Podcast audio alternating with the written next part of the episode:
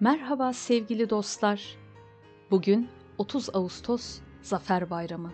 O büyük taarruzun 99. yıl dönümü. Atatürk'ün hayatındaki en zorlu günüydü belki de 26 Ağustos 1922. Çünkü bu tarih Türklerin Anadolu'daki son bağımsızlık günü olabilirdi. Devlet uzun yıllardan bu yana savaşta ve artık tükenmek üzereydi. Deyim yerinde ise tek atımlık kurşunu kalmıştı.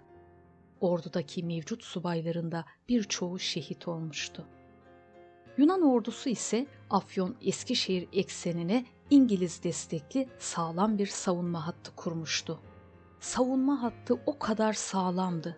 Bu nedenle düşmanı tek kurşunla imha etmek ve Anadolu'dan atmak gerekiyordu. Aksi takdirde Batı Anadolu Yunan toprağı olabilirdi. Atatürk bu iş için riskli bir plan oluşturdu. Ya büyük bir bozgun ya da büyük bir zafer olacaktı. Yani kendi deyimiyle ya bağımsızlık ya ölüm planıydı bu. Bu planı sadece üç Mustafa biliyordu. Mustafa Kemal, Mustafa İsmet, Mustafa Fevzi. Bu tarihlerde Büyük Millet Meclisi üyelerinin birçoğu savaşmak için Atatürk'e baskı yapıyor fakat o 27 Temmuz'da futbol maçı düzenliyor. Ağustos ortalarında da çay partisi veriyordu. Türk'ün savaşında sanatsal taktik olur.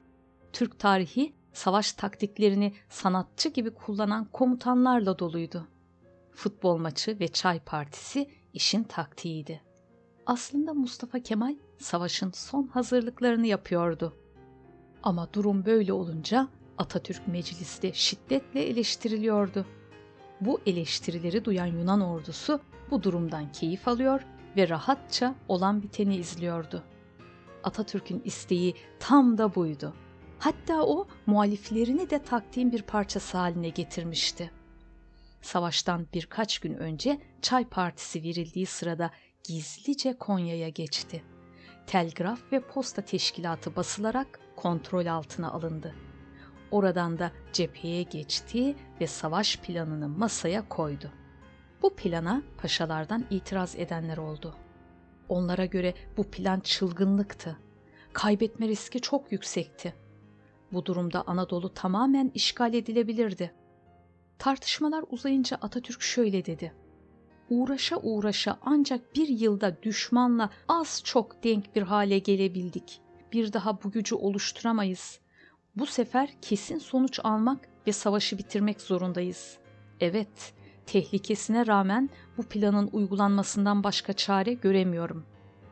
Yakup Paşa, bu planla kaybedersek bize vatan haini derler.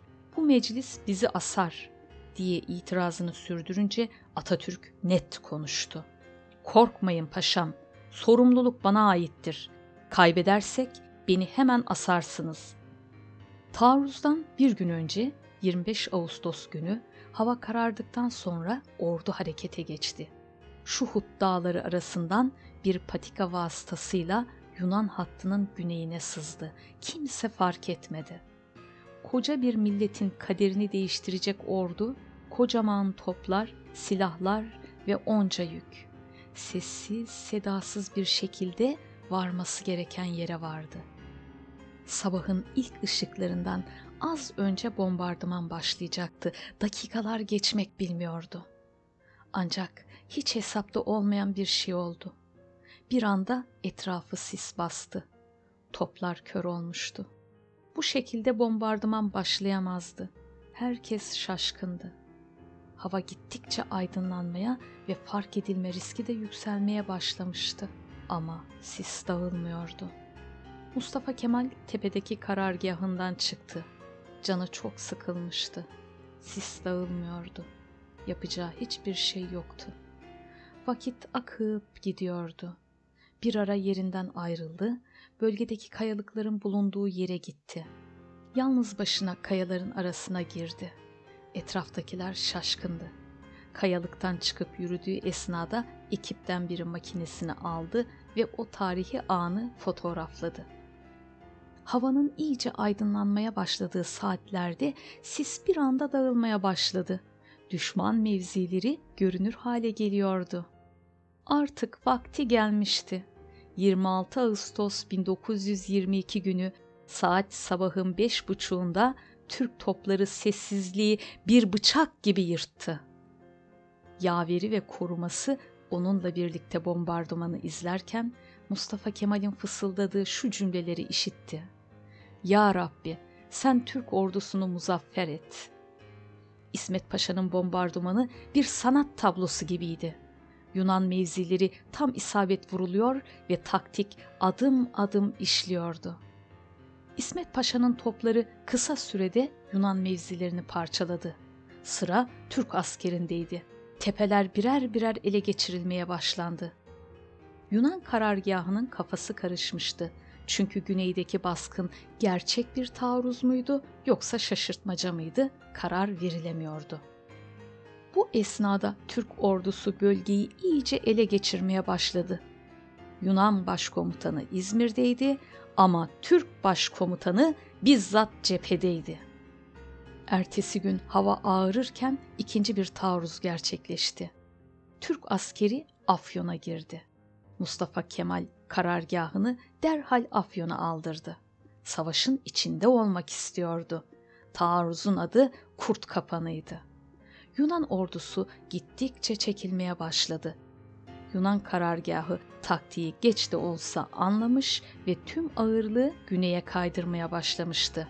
Bu defada kuzeyden yapılan taarruzla Yunan ordusu şaşkına çevrilmişti.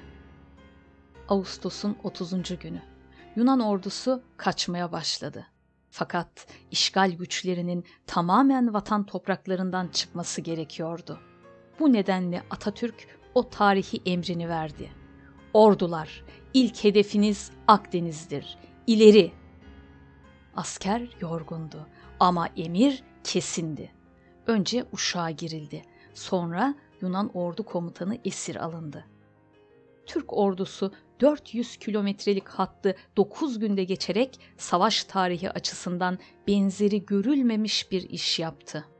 2 Eylül'de Eskişehir, 6 Eylül'de Balıkesir ve Bilecik, 7 Eylül'de Aydın, 8 Eylül'de Manisa'yı geri aldı ve 9 Eylül'de İzmir'e girdi. Vatan topraklarımızı işgal edenler ülkemizden atılmıştı.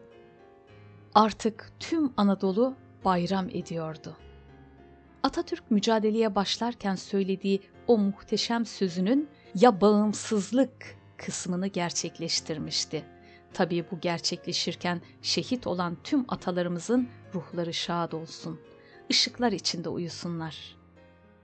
Başta başkomutanımız Mustafa Kemal Atatürk olmak üzere emeği geçen atalarımız.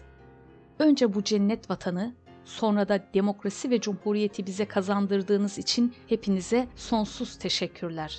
Size olan borcumuz çok fazla. Bunun bilincindeyiz ve adımlarımızı bu duygularla atıyoruz. Hepiniz ışıklar içinde kalın. 30 Ağustos Zafer Bayramımız kutlu olsun. Tekrar görüşmek üzere, hoşça kalın.